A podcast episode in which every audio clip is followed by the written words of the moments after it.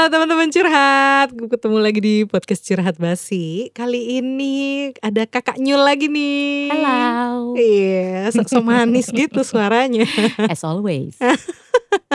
Harusnya kita hari ini rekaman bertiga, cuman uh, Mama Hana lagi ini ya, lagi isoman dulu. Tapi Oke. sehat kok dia sehat kok. Hasilnya negatif, cuman Ais. dia inisiatif aja isolasi mandiri dulu ya kan. Baik. Yang baiknya begitu ya teman-teman. Ya dong. Jangan tahu negatif terus langsung keluyuran ya. Nanti dibahas deh. Oke oke oke. Nah kalau kemarin-kemarin kan kita udah dua ep hampir dua episode loh ngebahas tentang seks. Waduh. Doyan apa bagaimana ya? Karena seru banget soalnya. Dan itu durasinya lama-lama semua. Oh, durasi ya, say. iya durasinya itu sampai 40-an menit. Gue ngeditnya gue sampai pusing gitu. Gimana caranya nih biar nggak lebih dari sejam gitu. Karena emang emang seseru itu gitu. Tapi di balik itu semua eh namanya seksual itu kita pasti nggak bisa melupakan yang namanya pelecehan ya kan. Mm-mm. Apalagi di Indonesia. Ya itu juga gue sempat bahas sama Mama Hana waktu yang sex education yang pertama. Kenapa sih kita nih di Indonesia terlalu apa ya kaku gitu untuk ngebahas seks? terlalu tabu kali ya. Iya, selalu dianggap tabu gitu. Yes. Jadi orang tua tuh mikirannya kaku. Kayak waktu itu kan si Mama Hana cerita, ini udah sampai dua episode nih, episode ketiga gue ceritain lagi. Kalau dia tuh dulu, zaman dulu, zaman masih SMS. Mm-mm. Zaman dulu kan kalau SMS tuh suka ada gambar-gambar yang dibikin misalnya orang kalau kita turunin ke bawah kayak gerak-gerak-gerak Oh gitu. iya iya nah, iya. Pakai simbol-simbol iya itu ya. iya. Nah dia tuh dapat gambar burung, Mhm. literally burung. Oke. Gitu. Terus ada tulisannya gini, eh, kalau saya melihat wanita, katanya saya akan berdiri gitu. Terus gambar burungnya gerak-gerak gitu kan berdiri. Nah Mm-mm. menurut dia itu lucu, ya Mm-mm. dong. Dia kasih lihat emaknya, ma ma ma gitu. Lihat deh, lihat deh. Ini SMS lucu banget tuh sama emaknya langsung dihujat. Kamu Gua kenapa ketawa. berteman sama orang-orang yang ngirim SMS kayak gini? Karena dia nggak tahu ya. Iya, ini tuh jorok ya lu tahu kan Mama Hana. Polos. Saking polosnya Iya. Terus- sampai lewat tuh Iya. semua begitu-begitu. Jadi dia tuh sampai bingung kata, ini gue salahnya di mana? Terima SMS gini, kenapa gue dimarahin? Kenapa ini jorok? Hmm. Kan burungnya cuma joget-joget gitu. Iya. Dia rasanya begitu ya. Oke. Dia bukan burung yang makan sampah atau makan tai gitu ya. Oke. kenapa emaknya bilang Kenapa jorok, jorok? gitu. Nah, ini kan yang menyebabkan akhirnya kenapa banyak terjadi pelecehan seksual di Indonesia bahkan terjadinya sama anak-anak balita kayak yang tadi kita udah cerita sebelum Hmm. mulai rekaman ya. Miris. Itu sedih banget gitu. Bahkan kemarin juga Mama Hana tuh sempat cerita ada yang kasus yang ditanganin itu anak cowok yang dilecehkan sama ibu kandungnya sendiri dari dia kecil sampai dia gede gitu Hmm. karena orang tuanya berpisah kemudian ibunya selalu mengatakan dengan dalih kan mama sayang sama kamu mama cinta sama Aduh, kamu kamu kan juga sayang mama dong kan mama ibu kamu sehingga dia harus memuaskan nafsu seksual ibunya Mm-mm. gitu. Nah itu kan sebenarnya salah satu dampak dari kurangnya edukasi tentang seksual ya sejak dini gitu. Betul. Nah. setuju gue. Terutama juga ini jadi terbawa sampai kita dewasa gitu dan Hmm. dan sering juga akhirnya pelecehan tuh juga terjadi di tempat kerja. Cuman ini kalau ini sih pribadi sih menurut gue ya, menurut gue dan ya memang ada penelitiannya juga sih. Penelitiannya tuh juga eh, menyebutkan bahwa kalau sebenarnya tuh ada sekitar 48% perempuan ya. Ini ini yang diteliti perempuan gitu ya. Hmm. 48% perempuan itu eh, mengalami pelecehan seksual di kantor. Tapi kebanyakan mereka itu nggak berani ngomong. Kenapa mereka nggak ngomong? 67% wanita mengatakan mereka itu tidak percaya sama metode eh, perusahaan bahwa katanya kalau lu ngalamin ini lu ngadu aja Oh. gitu. Jadi mereka udah nggak percaya sehingga makanya pelecehan seksual di kantor itu tuh kayak kurang terangkat lah istilahnya gitu ya. Kalau yang kita sering lihat di berita gitu pasti kan pelecehan terjadi oleh seorang ayah, seorang ibu gitu Oh iya ya, benar-benar. benar. atau di sekolahan. Mm-mm. Nah kayak gitu-gitu kan karena kayak eh, misalnya guru melakukan pelecehan seksual ke anak orang tuanya bisa ngadu Mm-mm. gitu. Atau misalnya orang tua yang melecehkan anaknya ntar salah satu tetangganya mungkin akan ngaduin dan segala macam. Tapi kalau di kantor, kalau lu ngadu, resikonya tuh kayak gede gak sih? Ah, oke. Karena gue gue sendiri kan emang pribadi nggak pernah kantoran ya kan selama ini di sekolahan. Kalau gue sendiri aja dulu ngerasa sebagai siswa gitu pernah mengalami pelecehan sama guru. Wah, bukan pelecehan yang gimana banget, cuman kayak misalnya pura-pura mijit-mijit gitu. Aduh, kamu hebat deh, pinter deh gitu ya Hmm, dengan Sentuhan tidak pantas ya. ah, dengan dalih pujian gitu. Padahal dia Oke. kayak pengen ngeraba-raba tali BH aja gitu. Gak pernah lihat tuh tadi Nggak. bang. Hah? Heboh banget hidup lu. Terus kayak gitu. Maksud gue kita aja yang sebagai murid ya, yang notabene eh, secara hierarki di sekolah tuh lebih rendah lah gitu daripada guru. Takut gitu kan. Takut ngomong sama orang tua.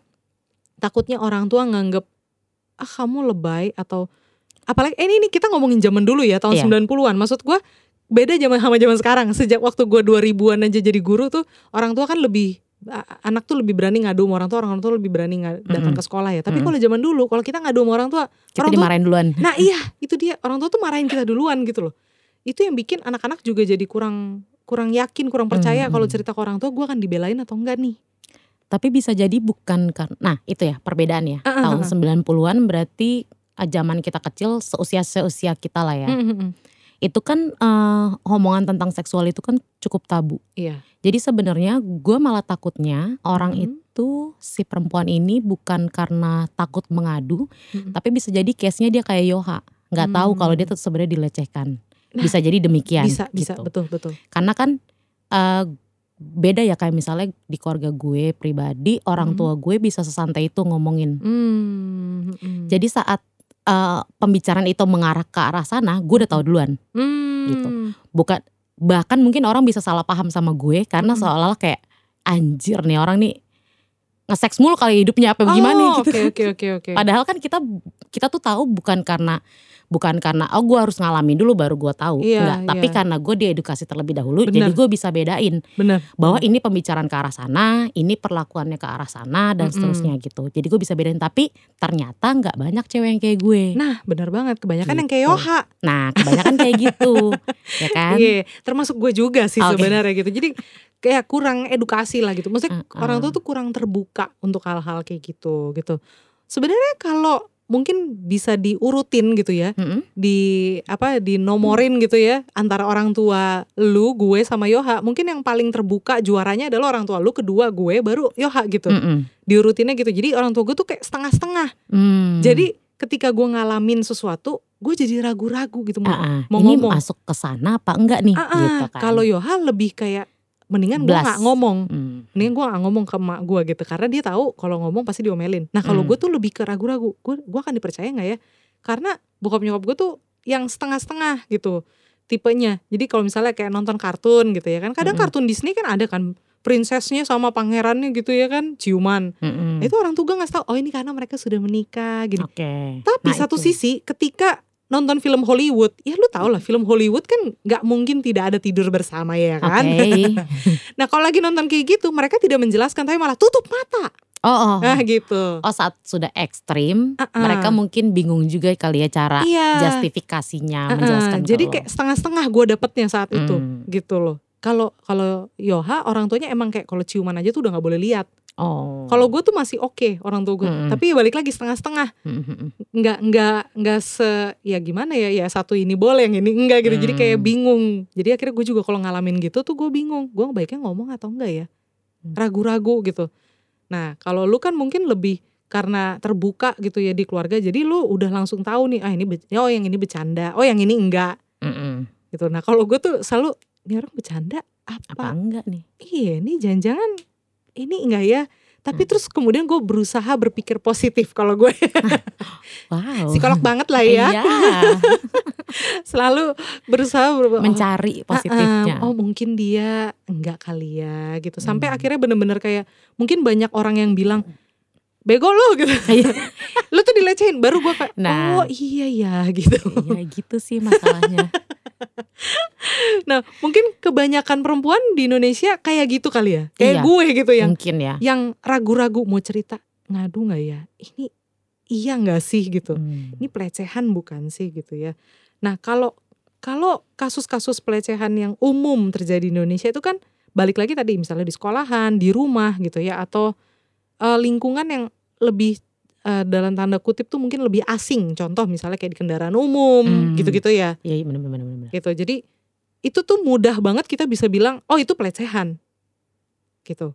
Karena kayak nggak sesuai norma gitu ya. Apalagi kayak di rumah gitu. Oh udah tahu itu orang tua lu udah tahu itu kakak lu misal kakak adik itu udah jelas banget. Nah tapi kalau di kantor balik lagi nih. Hmm, gitu. kalau di kantor di kantor itu ada tekanan tersendiri gitu tekanan bahwa ya sama sih sebenarnya kayak kalau di rumah mungkin anak-anak yang jadi korban mereka nggak berani ngadu karena ngerasa itu kan orang tua gua gitu Hmm. sama juga terjadi di sekolah nggak berani ngomong karena itu kan guru gua gitu Hmm. Di tapi kantor juga gitu. Itu kan bos gue. nah itu dia tapi bedanya gini kalau anak-anak dan orang tua ada perbedaan gap usia Mm-mm. sehingga mungkin anak-anak kayak mikir ini ini iya nggak sih ini pelecehan bukan sih mungkin mereka belum paham sama kayak kalau di sekolah di sekolah juga mungkin mereka kayak belum terlalu paham tapi kalau di kantor sama-sama dewasa nih Belum tentu. oh gitu maksud gue secara usia ya Ya secara usia iya Iya benar. iya, benar. secara usia kan sama-sama udah dewasa nih gitu Mm-mm. sehingga kan eh, pikirannya normalnya adalah sesama udah dewasa nih ketika lu menemu lu mengalami atau menemukan pelecehan itu harusnya lu bisa ngadu dong Oke. gitu beda nih kalau anak-anak mungkin orang-orang mikirnya kayak ya wajar lah namanya gue anak-anak kali dia nggak paham gitu Mm-mm. ya kan mungkin dia nggak berani tapi kalau di kantor Nah tadi maksud gue gini. mm-mm, Hmm, ternyata banyak juga orang yang mm-mm, mungkin karena orang tuanya agak orang tua yang sangat kaku ya Konservatif misalnya gitu. konservatif Mm-mm. banget gitu tabu membicarakan hal tersebut jadi kadang mungkin si perempuannya ini agak terlalu polos di Hmm. lingkungan yang sudah tidak polos oh sebenarnya iya iya bisa juga sih jadi eh, ada beberapa kemungkinan ya kita lihat Mm-mm, beberapa kemungkinan yang pertama itu jadi dia Mm-mm. tuh sebenarnya juga nggak sadar-sadar banget kalau dia dilecehkan Oh, nggak iya. tahu juga kalau apakah itu masuk ke pelecehan atau tidak Hmm, gitu. Eh, ya tadi jadinya jomplang nih sama orang kayak gue yang Mm-mm. s- karena banyak diedukasi iya malah dikira eh, perempuan gak bener gitu. gitu karena dari sisi omongan dari sisi gue langsung ngeklik oh ini gue tahu nih arah pembicaraannya ke mana nih gitu Ah, nah seolah-olah gue jadi kayak tahu semua gitu oh, padahal kan karena edukasi yang diberikan orang tua gue iya iya cuman dipadu-padankan sama gaya gue aja Mm-mm, mm-mm. gitu.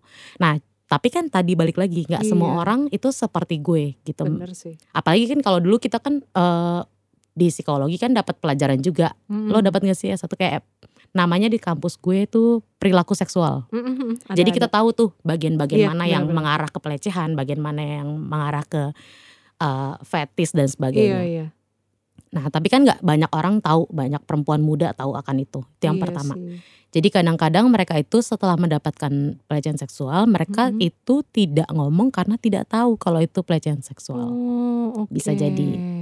Yang kedua, yang kedua tadi benar karena domin, maksudnya didominasi oleh oh yang ngelakuin tuh bos gue. Hmm. Gue takut juga buat ngomong gitu Mm-mm. mungkin ya. Mm-mm. Atau yang ketiga, ya balik lagi karena nggak semua kantor juga memperhatikan hal itu secara detail. Gitu. Hmm. di kantor gue sendiri nggak ada aturan yang terlalu khusus kayak SOP-nya seperti apa sih kalau lo abis mendapatkan Iya. pelecehan seksual kayak gitu sih. Iya iya. Kalau mau kita breakdown dulu kali ya Mm-mm, untuk boleh. edukasi say. Ya. Oke sip. Jadi apa aja sih yang dimaksud dengan eh, pelecehan seksual? Mm-mm. Kalau kalau menurut teori tuh sebenarnya banyak ya ada beberapa macam nih kayak gue Mm-mm. baca nih ada 10 macam lah. eh, terus abis itu sentuhan, pelecehan verbal dan lain-lain. Tapi kalau gue Ah. sesimpel sesimpel kita ngebagi fisik, verbal dan eh, psikologis maksudnya mental. Iya. Contoh yang fisik tuh seperti apa sih misalnya? Fisik itu ya berarti kita tadi misalnya langsung disentuh kayak Mm-mm. tadi dipegang Pegang. pundaknya gitu. Mm-mm, Mungkin dipegang pinggangnya dan sebagainya Mm-mm. oleh seseorang yang bukan inner kita, mm-mm. maksudnya inner circle kita berarti kan lo nggak pantas nih kita punya boundaries nih di Mm-mm. sini gitu. Nah itu yang pertama. Terus yang kedua verbal kayak contohnya kejadian banget tuh di kantor gue kan. Banyak sih semuanya kejadian di kantor gue. Maksudnya kayak verbal tuh yang kayak ada bapak-bapak Heeh. dengan posisi yang lebih tinggi me- Heeh. berbicara kepada stafnya Heeh. yang tidak menggunakan pakaian seksi bahkan gitu. Oke, Dia heeh. menggunakan hijab, Hmm. syari, baju panjang dengan Mm-mm. rok ketutup banget ketutup lah ya. banget lah gitu. Bahkan dia pakai kaos kaki men Oke. gitu. Nah, itu bisa si bapak-bapak ini ngomong gitu. Heeh. Kayak ih lu bagus banget ya dari belakang gitu Oh. suami lo kayaknya tuh eh, beruntung dapetin lo gitu Oke. padahal kan nggak kelihatan gitu Iya, itu kan iya. sebenarnya masuk ke verbal Iya sih. atau Benar-benar. hmm, ya kita denger kita biasa eh, mengistilahkannya catcalling Iya iya. ya iya. kan misalnya di jalan Mm-mm. dipanggil-panggil cewek Mm. cewek cakep banget sih Cute, gitu gitu. nah kan minta diikat gitu bibirnya. kayak gitu-gitu itu kan juga masuk verbal nah yang terakhir menurut gua kayak lebih ke intimidasi secara mental kali ya Ah. kayak tadi eh, misalnya bosnya gitu kayak Mm-mm. kayak gue lah yang gue alamin sendiri Mm-mm. gue dinas terus Mhm. abis itu ketemu sama karena dinas itu banyak kan bapak-bapak ya Iya. makanya biasanya kalau perempuan itu jatuhnya jadi yang belum nikah sih yang ikut dinas karena Oh. kalau udah nikah kan dia ada anaknya itu nanti Mm. nyambung ke diskriminasi gender ya Oke. Eh, udah nikah tuh ngurusin anaknya dan sebagainya jadi Mm-mm. biasanya agak sulit kalau nggak terpaksa mereka Betul. nggak diajak Betul.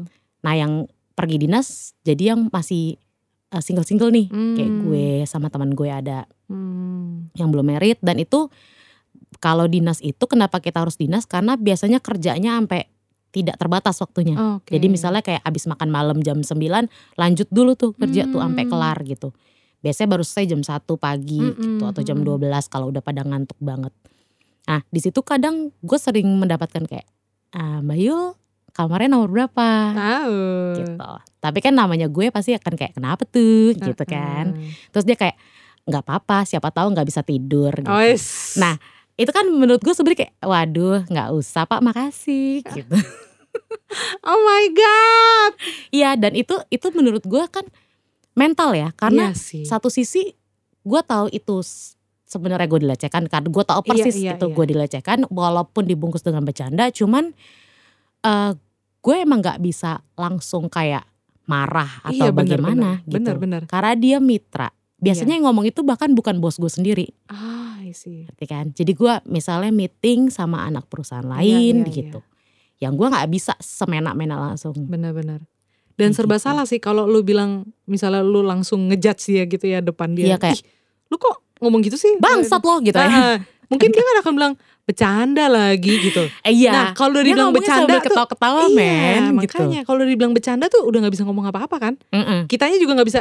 "Eh, Ya udahlah gitu. Ah. Dalihnya bercanda ya kan. Tuh kan Hmm. Iya nanti ada lagi yang misalnya kayak eh Bayul bangun jam berapa Yes. mau mau jalan-jalan pagi dulu nggak Yes. yuk banget dah gue jalan-jalan pagi sama lu gitu kan tapi bercanda kan nanti nanti Nah, kalau gue iya, udah iya. muka gue nggak enak kan muka Ah. gue agak nggak bisa bohong ya Ah, kayak udah ntar dia kayak bercanda ya yuk Ah. jangan serius-serius banget lagi kerja gitu ngomongnya Udah gitu muka kita settingannya kan kalau diem kan agak agak gimana santai ya. kan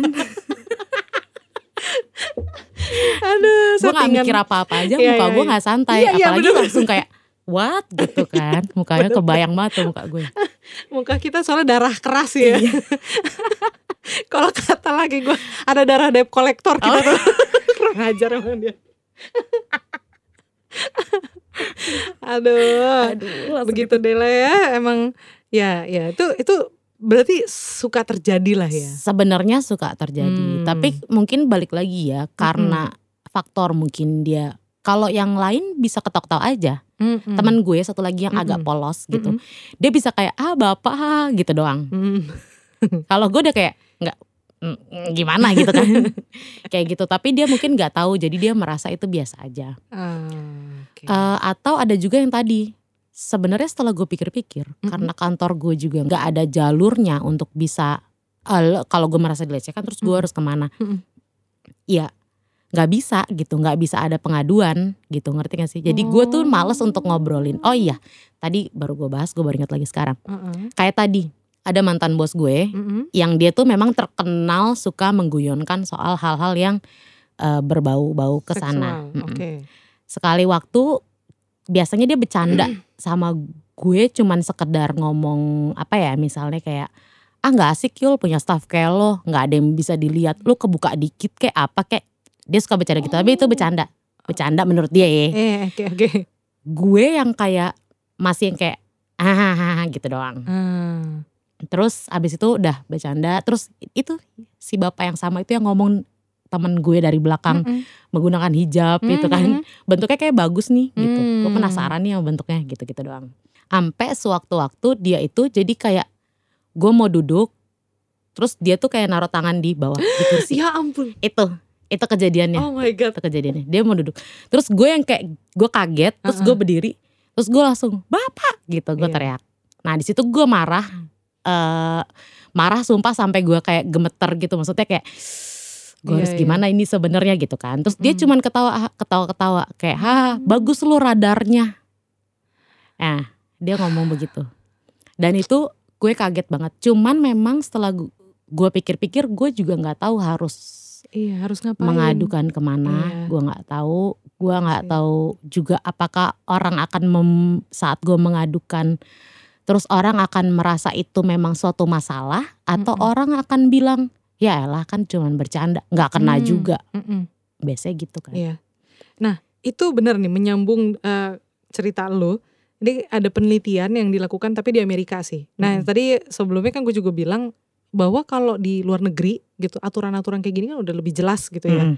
Di situ sih memang dibilang kalau istilah kekerasan seksual itu di eh, pelecehan seksual ya kalau di luar negeri di Amerika terutama itu tuh termasuk hubungan seksual yang dipaksa lewat alkohol segala macam gitu. Terus kontak seksual yang tidak diinginkan atau komentar Mm. yang berbau seksual itu termasuk Mm-mm. gitu dan eh, ternyata di sini juga ada peneliti di sini ada cowok dan cewek loh nggak cuma cewek doang gitu korbannya Oh, ada yang- juga laki-laki Oke. gitu ya Eh, di sini juga ditulis bahwa pen- dari penelitian juga melihat adanya efek setelah dilecehkan seperti masalah psikologis gitu dan efek kalau mengadu nah kan gitu.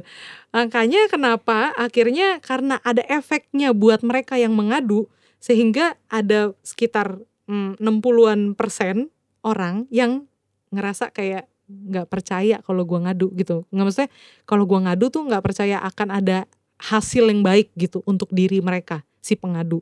Makanya kebanyakan mereka akhirnya tidak ngadu. itu tadi gue Gitu. pribadi aja Iya. mungkin akan gue bukan mungkin ya saat itu gue berpikir kalau gue ngaduin ya gue ngancem sih gue ngancem Hmm, dia minta maaf mm, sama mm, gue mm, mm, kalau nggak minta maaf di depan orang-orang mm, mm, gue akan mengadukan itu ke direktur mm. padahal sebenarnya setelah gue pikir-pikir eh mungkin nggak sih gitu ini akan diselesaikan nggak tahu juga sih ya kan Iya, iya. karena nanti pasti selesaikannya apalagi kita di Indonesia ya iya. secara kekeluargaan ya Ah, iya, kekeluargaan benar, banget Benar. ya kan Iya, nanti betul. secara kekeluargaan nah, yang di mana kekeluargaannya adalah ujung-ujungnya ya udah dia cuma minta maaf sama gue pasti begitu Hmm. kekeluargaan macam apa coba yang di Indonesia kalau diselesaikan secara kekeluargaan ujung-ujungnya cuma minta maaf bener Kalau kata Tomingse, Hmm. kalau lu bisa selesai dengan minta maaf, ngapain ada polisi? Iya. aduh oh baby baby itu film kan Aduh. jadi maksudnya gue kayak gitu padahal eh, gue pribadi merasa gini efeknya di gue gue takut semua orang akan mikir kayak eh Yulia nggak bisa diajak bercanda benar, benar. Yulia lebay Mm-mm. eh Yulia gitu aja dibawa Nah, serius gitu, gitu, aja kan. ngadu. Hmm, gitu aja ngadu dan sebagainya. Padahal ini orang-orang yang bacotnya pada ngomong begitu tuh, coba Mm-mm. dibalikin ke mereka kondisinya, Iya, ya kan? iya, benar. Nah itu dari sisi gue. Hmm. Tapi lu bayangin gak kalau ada cewek-cewek polos, mungkin dia bisa bakal mikirnya kayak, oh kalau gue ngadu hal tentang begini, orang akan mikir jeleknya ke gue. Iya, benar, benar. Bisa kalau orang yang nggak tahu gitu, Mm-mm. dia akan mikir kayak pertanyaan yang sama. Mm-mm. Pakaian lo kali yang terlalu ini, ngerti nggak? Iya, Jadi iya. itu yang ditakutin Iya, kayaknya. betul. Itu itu yang sering terjadi sih sebenarnya dan Mm-mm. kayaknya kemarin juga sempat ada kasus apa ya sampai beberapa tokoh eh, public figure Indonesia yang juga sempat bahas katanya kenapa sih ini bukan cuma masalah pakaiannya gitu loh. Bukan cuma karena masalah pakaian yang dipakai gitu karena bisa terjadi sama siapa aja. Kayak pelecehan seksual kan nggak cuma terjadi sama perempuan, ada juga yang ke laki-laki gitu kan. Iya. Yang Yang terjadi dicium sama bos gue. ya itu kan kayaknya laki-laki apakah dia di kantor telanjang dada Iya, gitu kan enggak gitu ya. Takut. Iya kan, ntar jadi balik lagi nanya siapa yang salah kalau kayak gitu, gitu. Kalau mau cari siapa yang salah sih, gue rasa itu kayaknya nggak akan selesai sih. Betul. Gitu. Yang penting sebenarnya kitanya juga mesti bisa jaga diri, menahan diri juga gitu ya. Kalau ngelihat orang yang berpakaian kayak gitu, ya mungkin bisa ditegur kali ya Mm-mm. dikasih tahu eh next time lu kayaknya bajunya jangan kayak gitu deh. Mm-mm. soalnya orang-orang tuh bisa lihat dan segala macem gitu. Dan lu nggak takut. Mungkin mungkin kayak gitu lebih enak ya daripada weh gile tuh belahan dada. Wih, ada celengan tuh gitu. Ya kan? Seringnya gitu kan? Iya bener. nah daripada kayak gitu apa nggak mendingan lu omongin aja nggak sih gitu Ah, kalau untuk penyelesaian jangka waktu sekarang ya, Mm-mm. menurut gue semua orang kayaknya harus mulai belajar untuk empati dan respect sih. Oh, yang paling iya, penting. bener bener bener Kenapa korban itu tidak berani berbicara? Mm-mm. Karena budaya di kita hal-hal yang kayak gitu dijadikan eh, sesuatu yang gimana ya tabu. Tapi kalau udah muncul sok di nggak tabu-tabuin paham gak? lu? Iya iya. Kalau kata Benza itu seks itu tuh tabu tapi menyenangkan kata dia. Kalau menyenangkan semua orang jadi Lucu fun gitu menerimanya, it's okay. Iya, Ini iya. tuh jadi tabu yang di yang di nggak tabu, yang dibuat seolah-olah nggak tabu. Contoh Iya. kayak tadi cewek. Eh, seksual itu tabu buat dia mungkin, karena Hmm. dia merasa oh gue dilecehkan, Mm-mm. jadi sesuatu yang salah. Dan dia jadi takut untuk ngomong karena takut semua orang akan menjudge dia justru. Iya. Padahal dia korban. Heeh. Tapi saat itu terungkap, Heeh. Bakal ada nih, nih ya iris kuping gue nih, bakal ada yang ngomong ya elah gitu aja. Ah iya benar-benar. Jadi jadi seolah tidak tabu. Iya. Padahal itu bukan masalah tabu nggak tabu, itu masalah lu respect sama orang apa enggak. Iya bener sih. Gitu loh maksud gue. Betul. Jadi kalaupun Respect. kalaupun nggak ada aturannya, menurut gue bukan harus ada aturan dulu semua orang semua orang baru Hmm. eh, melaksanakan sesuai aturannya gitu. Hmm. Asal lu respect sama orang lain ngedengerin dia, melihat dari sisi ceritanya dia, mungkin ya itu lebih baik, bakal jadi lebih baik semua orang akan bisa eh, speak up buat dirinya sendiri. Benar. Gitu maksud gue. Bener-bener sih. Itu gue setuju. Eh sampai ini ada pe- penelitian tahun berapa nih? 2000. Oh, ini sih artikel sih 18 Desember 2020. Baru tuh. Jadi waktu itu ada kayak sempat heboh gitu di sosmed dengan tagar Me Too gitu. Jadi Mhm. kayak membela apa pembelaan terhadap eh, eh, korban pelecehan seksual gitu Mhm. kan. Nah, di sini juga eh, dikatakan salah satu yang pendiri ininya lah yang bikin organisasinya itu dia juga bilang katanya pelecehan seksual yang di kantor ya. Dia bilang sebenarnya kasus kayak gini nih untuk menanggapi yang pertama tuh adalah harusnya dari departemen SDM Hmm. harus ikut bertindak dalam meminta pertanggungjawaban kepada perusahaan yang misalnya di perusahaan itu banyak kasus pelecehannya gitu. Mm-mm. Gimana menurut lo? Harusnya sih iya ya. Oh, oke. Harusnya memang dari SDM. Oh, oke oke. Tapi di kantor gue yang kayak gitu bos SDM tuh. gue digituin di SDM tuh. Di Aduh. departemen lain gak pernah. Nah, Di itulah tempat lain ya. gak pernah. Sedihnya Indonesia gitu Justru- ya. Justru gue pindah malah ke SDM malah kena kayak gitu ketemu sama dia. Ah, Ironis Eh, sekali. iya. Aduh, aduh, aduh, aduh. memang harusnya dibuat sih. Maksud gue kayak di gue gak tau kantor lain ya. Mm, mm, mm. Gue ngomong kantor gue sendiri. Di kantor gue itu segala yang lain-lain misalnya kayak apabila eh, hate speech, Mm-mm. apabila eh, melakukan penipuan, Mm-mm. apabila ngapa-ngapain itu Mm. ada eh, tergolong ke indisipliner ke rendah, sedang, tinggi Oh, gitu ada dengan segala level-levelnya. konsekuensinya. Mm, mm, mm. Eh, tapi memang tidak ada jalurnya. Oh, Gitu. gitu. Jadi, Paling pun kalau jalur indisipliner jatuhnya kayak ada pengaduan, ada di tempat gue namanya Departemen Hubungan Pekerja. oke. Sebenarnya harusnya di situ tuh yang masuk Mm, mm, eh, pengaduan-pengaduan mm, gitu. mm, Tapi kenyataannya memang eh, jalurnya jadinya kayak abis pengaduan, mm, mm. terus si beliau-beliau ini kemudian kayak semacam BAP Mm. gitu ke si korban, Mm-mm. terus abis itu ke si Pelaku, pelakunya heeh. gitu. Tapi kenyataannya ujung-ujungnya saat di BAP Mm-mm. Si cewek-cewek yang mungkin korban. tadi ya maksud Mm-mm. maksudnya merasa itu tabu atau merasa takut dihujat sama yang lain Mm-mm. gitu. Akhirnya ceritanya tidak seperti yang dia alami kemarin. Oh, jadi, Jadi lebih bukan berubah ya, maksudnya lebih eh kayak kesannya kayak nggak kayak nggak kenapa-napa Iya, iya, iya. jadinya Iya gitu. iya iya. iya. Padahal dia su- kemarin dia tuh udah butuh waktu untuk meregulasi dirinya Hmm. tentang kejadian Mm, mm, itu. mm, mm. Tapi karena udah lewat seminggu, Mm-mm. udah lebih reda dan yang tadi dia takut dipikirin orang-orang macem-macem mungkin. Iya. Terus baru eh, si hubungan pekerja ini akan ngobrol sama si pelakunya. Oh. Ya si pelaku notabene pasti kan sudah tidak akan mengakui juga Iya, anyway iya. kan. Iya. Nah cuman kan eh, kemudian hukuman indisipliner itu berdasarkan BAP-nya. Hmm. Jadi ujung-ujungnya pasti teguran doang Ya kasihan banget ya. gitu. Aduh. Jadi itu sih yang disayangkan karena kita tidak ada yang eh, mampu, maksudnya sanggup untuk mengeksplor gitu. Sebenarnya tuh apa sih yang dialami sama si korban dan seberapa parah sebenarnya efeknya ke dia Hmm. gitu. Iya iya. Berarti eh, sebenarnya mungkin kalaupun ada sistemnya gitu ya, ada sistemnya udah berjalan gitu ya, Mm-mm. se- dan bisa sebenarnya, tuh balik lagi tergantung ke korbannya juga, seberapa konsisten dia berani gitu untuk. Soalnya, eh sorry gue potong ya. Ah, ah. gue pernah, gue baru inget nih di kepala gue. Gue pernah eh, ngurusin waktu itu S1 tugas, Mm, mm, mm. ngurusin di Terminal 3 Mm, mm, mm. eh, bandara tuh. Mm, mm, mm. Di situ kan ada yang apa tuh namanya kalau kita kerja keluar yang kerja di Arab jadi pem- apa, asisten rumah Hmm. tangga di sana. TKI. TKI, Hmm. TKW ya lebih TK. tepatnya. Gue pernah eh, ke situ untuk kayak melihat proses bagaimana para TKW itu yang bermasalah datang ke Hmm. Indonesia biasanya korban perkosaan. Iya. Lo pernah denger dong? Iya, banyak dong. Banyak. ah.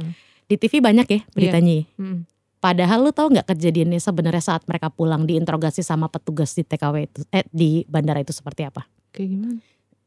Gue ngeliat sendiri sampai gue nggak berani, gue nggak lanjutin tuh tugas. Sumpah gue cari subjek yang lain, nggak kuat gue dengernya. Karena gue datang, jadi situ gue sebagai pengamat aja ya. Ah. Dia datang, gue nggak tahu tuh petugas itu biasanya yang di situ, yang di bandara itu petugas angkatan, Hmm. Ya. nggak spesifik ya angkatan apa. Mm-mm. Cuman dia di situ dan si mbaknya ini si subjek si Mhm. orang si korban ini datang Iya. dengan posisi kayak sedih apa segala Iyalah, macam, traumatis. gitu. traumatis makanya dia pulang. Pertanyaannya gini, oh jadi eh, anda diapain di sana? Ya saya di eh, saya digangguin sama yang punya rumah. Eh, oh ya kejadiannya kayak gimana? Dia diem dong. Kejadiannya kayak gimana? Ah, oke. Saya lagi di kamar, eh lagi tidur aja sih pak. Terus abis itu dia dateng megang-megang paha saya. Dia mulai cerita kayak gitu.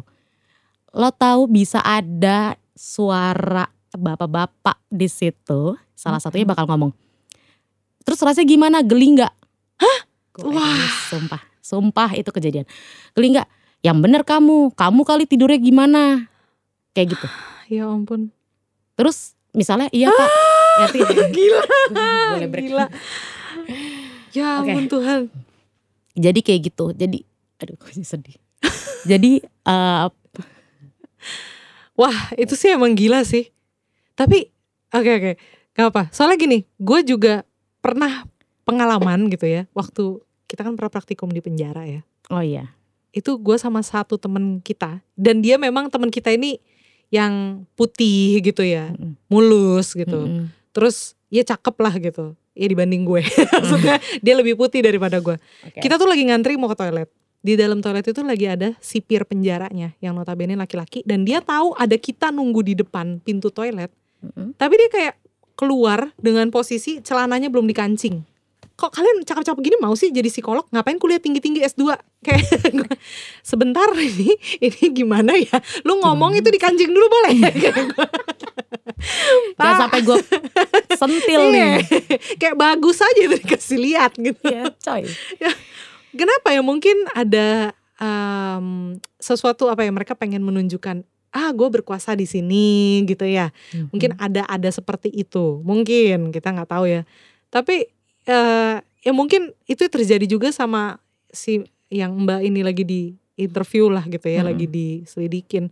lagi mungkin- BAP loh itu konteksnya. Iya, dia. cuman mungkin mereka tuh kayak ngerasa eh, pengen menunjukkan bahwa hey gue di sini berkuasa lu jangan bohong. Mungkin begitu maksudnya. Oke. Tapi caranya aja nggak enak. Nah gitu. itu, Iya. lu bayangin gak sih kalau lu tahu bahwa Iya, kalau iya. abis lu mendapatkan pelecehan, Iyalah. lu ngadu, litanya begitu, Ah, ah. Itu sih ngehe Nah, banget. ya kan? Jadi mendingan gua ngomong nggak? Ya iya, enggak lah, Benar benar benar kan sih. jadi begitu. Benar. Korban banyak kan. Nah, ya si maksud gue sorry to say si mbak korban itu Heeh, pun heeh. gue yakin akhirnya setelah digituin iyalah dia jadi berpikir gini mungkin ya Iya, di kepala dia ya oh iya kali ya gue lebay kali ya ah iya iya atau kayak wah ini kayaknya nggak ada yang percaya gue nih atau Mendingan- gini iya. oh nggak usah detail kali ceritanya ya kok Hmm. kayaknya jadi nggak enak nih Iya, diomongin begini. padahal kalau nggak detail hukuman yang di sana jadi lebih rendah betul itu maksud gue jadi itu yang membuat Aduh. seolah-olah tidak parah kejadian Iya, itu iya. tidak parah atau membuat si korban terintimidasi dan merasa Benar. bahwa gue berlebihan benar-benar gitu Iya iya iya. Dan itu juga mungkin yang terjadi sama orang-orang yang eh, disebutnya bystander atau yang cuman melihat.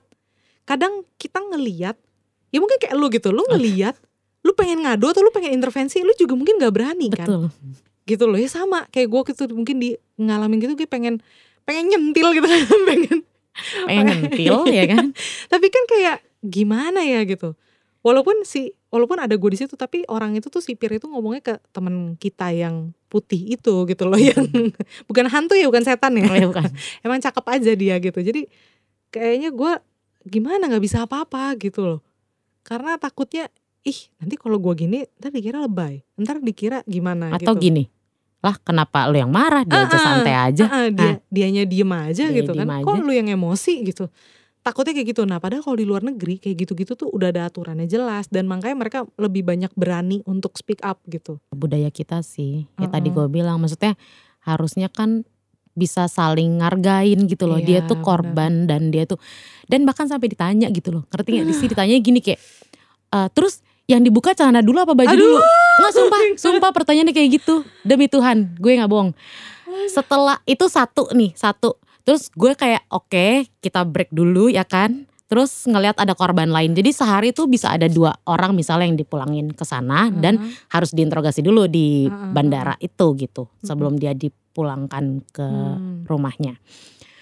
Nah ternyata di cewek yang berikutnya Heeh. juga bisa begitu. sama juga Maksudnya pertanyaannya agak tidak Hmm. eh, menurut gue jadi kayak nggak kontekstual ya Oh. gitu. Kita kan konteksnya lagi menanyakan tentang bagaimana kejadian itu iya bisa terjadi terus apa yang dia rasakan iya iya eh, untuk melihat untuk bisa membayangkan reka ulang gitu. Iya, benar, Tapi benar. bukan ke arah yang porno kan, lebih Iya. ke arah kejadiannya seperti apa. Yang kira-kira Mm-mm. kita bisa mikirin, oh ini loh si pelakunya mungkin berpikir apa iya benar atau sih. bagaimana gitu-gitu. Mm-mm.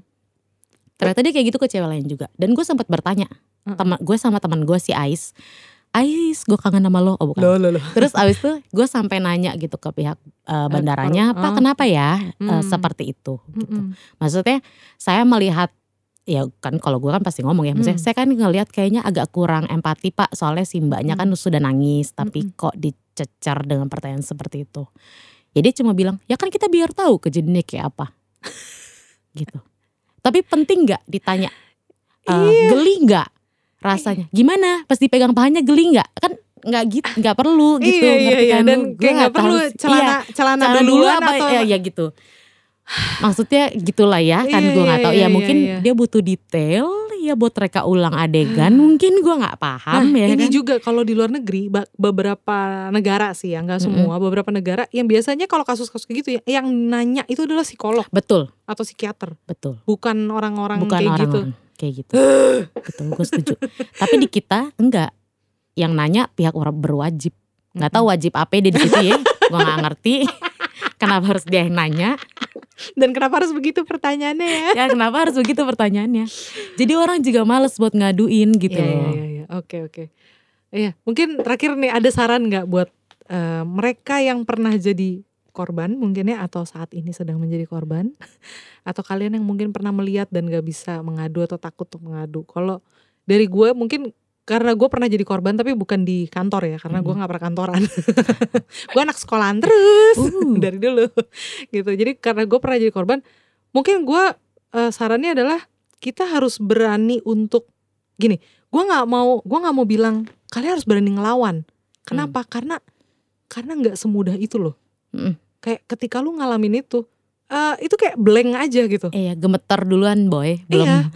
boro-boro mau teriak Iya, bener-bener kayak eh, pikirannya tuh nggak nggak gimana ya nggak nggak bisa kayak mungkin beberapa orang ada yang bisa langsung wah ngapain lu gitu ya Mm-mm. tapi kalau gue waktu itu pas ngalamin waktu itu pas lagi kuliah S2 lagi Mm-mm. pulang dari kampus di bus Mm-mm. di, dari dari kampus kita Mm-mm, gue mau tercinta pulang itu ya. ke stasiun gitu naik kereta kan waktu itu gue di bus tuh gue ditempelin dan basah. Aish. gitu. Ditempelin gue duduk dia berdiri gitu. Dia orangnya berdiri maksudnya. Iya. dan mohon maaf ya gue kenapa waktu itu nggak teriak atau gimana? Karena gue nggak ngerasain apa-apa. Serius. Oke. sekecil itu punya lo pak. Iya. sampai gue tuh nggak ngerasain. Tapi Eh. tau basah gitu. Dan lengket. Maksud gue Ah, ketika itu tuh gue langsung pas turun dari bus gue cuma nang gue cuma bisa nangis. Gitu. Karena pas ngalamin itu gue kayak nggak hah ini gue harus apa ya gitu. Bahkan bapak-bapak depan de samping orang itu dia ngeliat gue digituin aja. Dia diem aja gitu. Dan gue juga kayak mau ngadu mau teriak atau gimana kayak bingung sendiri. ah, ah, bingung karena ini bener gak sih? Karena gue gak ngerasain apa-apa. Gitu. Ah, sorry ya, lo kecil banget. Tapi nah itu jadi kalau gue mau mau bilangnya adalah sarannya adalah ketika lu mengalami itu lu harus tahu apa yang lu harus lakukan setelah itu. Gitu jangan kemudian lu diem aja. Terus eh, dipikirin sendiri gitu. Tapi lu Hmm. harus melakukan sesuatu apakah kayak mungkin kalau kayak gue waktu itu gue akhirnya karena gue udah mulai curiga kok dia ngeliatin gue senyum-senyum akhirnya gue bertindaknya adalah gue bukannya teriak atau gimana tapi gue berdiri ya udah gue bangun aja berdiri pindah Hmm. gitu pindah tempat Pindah duduk tempat. ah udah lah gue pindah aja gue gue senggol gue iniin gue sikut gitu orangnya Mm. gue berdiri jadi maksud gue adalah lu walaupun lu nggak berani teriak lu harus berani melakukan sesuatu setelah itu apa lu jangan diem aja Mm. gitu loh karena ketika lu diem aja pelaku itu tuh semakin menikmati gitu. Oh si Luisa nih diem aja kalau gue giniin. Ya, terus- Dominan ya, merasa Ah, dominan, terutama ngerasa. di kantor. Ya karena kayak lu kan lu tadi berani. Pak kalau bapak nggak minta maaf gitu. Hmm. ya lu harus melakukan sesuatu walaupun ketika lu mengalami gitu ya lu nggak bisa apa-apa. Tapi lu at least lu harus melakukan sesuatu setelahnya gitu loh. Hmm. setelahnya lu harus apa? Apakah ya lu ngadu? Apakah lu cerita ke siapa? Atau apakah lu ngomong ke orang itu? Lu kalau kayak gini harus ada penyelesaian nih gitu Mm-mm. jangan lu cuman diem aja karena lu diem aja atau nggak ya udah lu terima-terima aja ketawa-ketawa aja gitu menganggap ya gue tahu berpikiran positif tuh baik tapi kayak jangan kayak gue juga gitu yang terlalu akhirnya nggak apa-apa gitu karena kalau lu begitu terus orang itu akan terus mengulangi karena merasa elunya nggak apa-apa Iya, apalagi lu di lingkungan yang sama ketemunya sama dia terus. Iya. Oke, Gitu. kalau dari lu saran gue itu pertama eh, dipahami dulu ya. Maksudnya Hmm, hmm. eh, dipahami dalam artian konteksnya gini. Apakah memang itu eh, melewati batas lu sendiri? ya kita nggak Oh, bilang iya, batasan iya. orang lain ya, Mm. minimal batas dia sendiri. Hmm, hmm, hmm. Batasan gue misalnya adalah selama itu cuman verbal bercanda kayak Mm-mm. kamarnya di mana gitu. Hmm, hmm, Gue hmm. masih santai. Iya iya. Itu batasan gue. Mm-mm. Tapi kalau batasan lu itu sudah masuk ke dalam pelecehan, lah ngomong. Yang fisik gitu. Iya. ya. Hmm. Maksudnya buat gue ditanyain Mm-mm. nomor kamar itu udah keterlaluan misalnya begitu. Iya. Ya lu ngomong, Oh, oke. pas saya oke. nggak suka bercanda kayak gini. Hmm, hmm, gitu. hmm, hmm, hmm. Ngomong aja yang penting. Iya iya. Itu yang pertama. Terus yang ke- setelah lu menyadari bahwa oh ini dilewat batasan batasan apa enggak gitu kan. Hmm, hmm, Terus yang kedua ya tadi kalau misalnya lo nggak bisa langsung ngelawan hmm, hmm.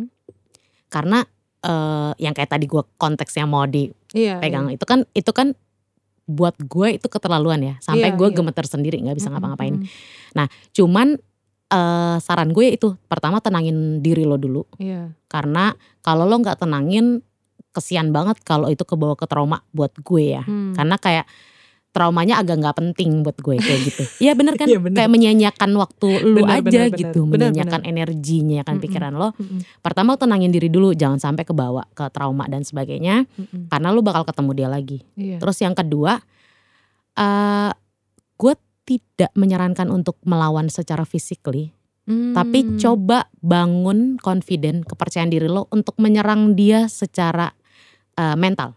Oh, oke. Maksudnya gimana? Heeh. Kayak tadi, misalnya eh kayak gue kan, kalau lo nggak minta maaf sama gue, jadi gue suruh Iya. bos gue itu datang ke meja gue, minta Mm-mm. maaf di depan orang lain. Hmm. Dengan begitu, gue membalas secara mental. Jadi kalau lo Iya. ngerasa lo lebih tinggi dari gue, Iya. sekarang nggak bisa, gitu. Hmm. Atau minimal yang kedua, ya lo bercandain aja, misalnya kayak eh tadi, misalnya kondisinya kayak Yulia kamarnya nomor berapa? Hmm. Gue mau balas nih secara Hmm. mental nih. Hmm. Gue akan bis, gue bisa aja bilang kayak kenapa gitu. Terus Mm-mm. dia bilang siapa tahu saya bisa temenin tidur. Oh kayaknya kalau sama bapak kayaknya nggak cukup deh. Uh. Mampus. Mamam tuh. Atau eh, aduh sorry ya Pak, Bapak ketuaan buat saya. Oh, aduh, Gitu. dalam. Jadi kayak ngebalikin aja gitu untuk Hmm. untuk ketenangan lo sendiri dan untuk nge- membuat dia sadar bahwa lo tuh tidak di bawah dia. Iya, benar. Kayak yang tadi lo bilang kalau dia diam, dia akan ngulang-ngulang terus. Benar. gitu. Mm, mm, mm. Mereka itu kan sebenarnya yang dicari kan saat gua gua nggak tahu ya Iya, korban apa yang dirasain eh, pelaku sebenarnya. Mm, mm. Tapi kalau gue pribadi berpikir bahwa mereka itu butuh rasa dominasi. Betul. Iya, Gua iya, nggak tahu benar. Bagaimana kondisi dia dan pasangannya di rumah Mm, mm, mm, mm.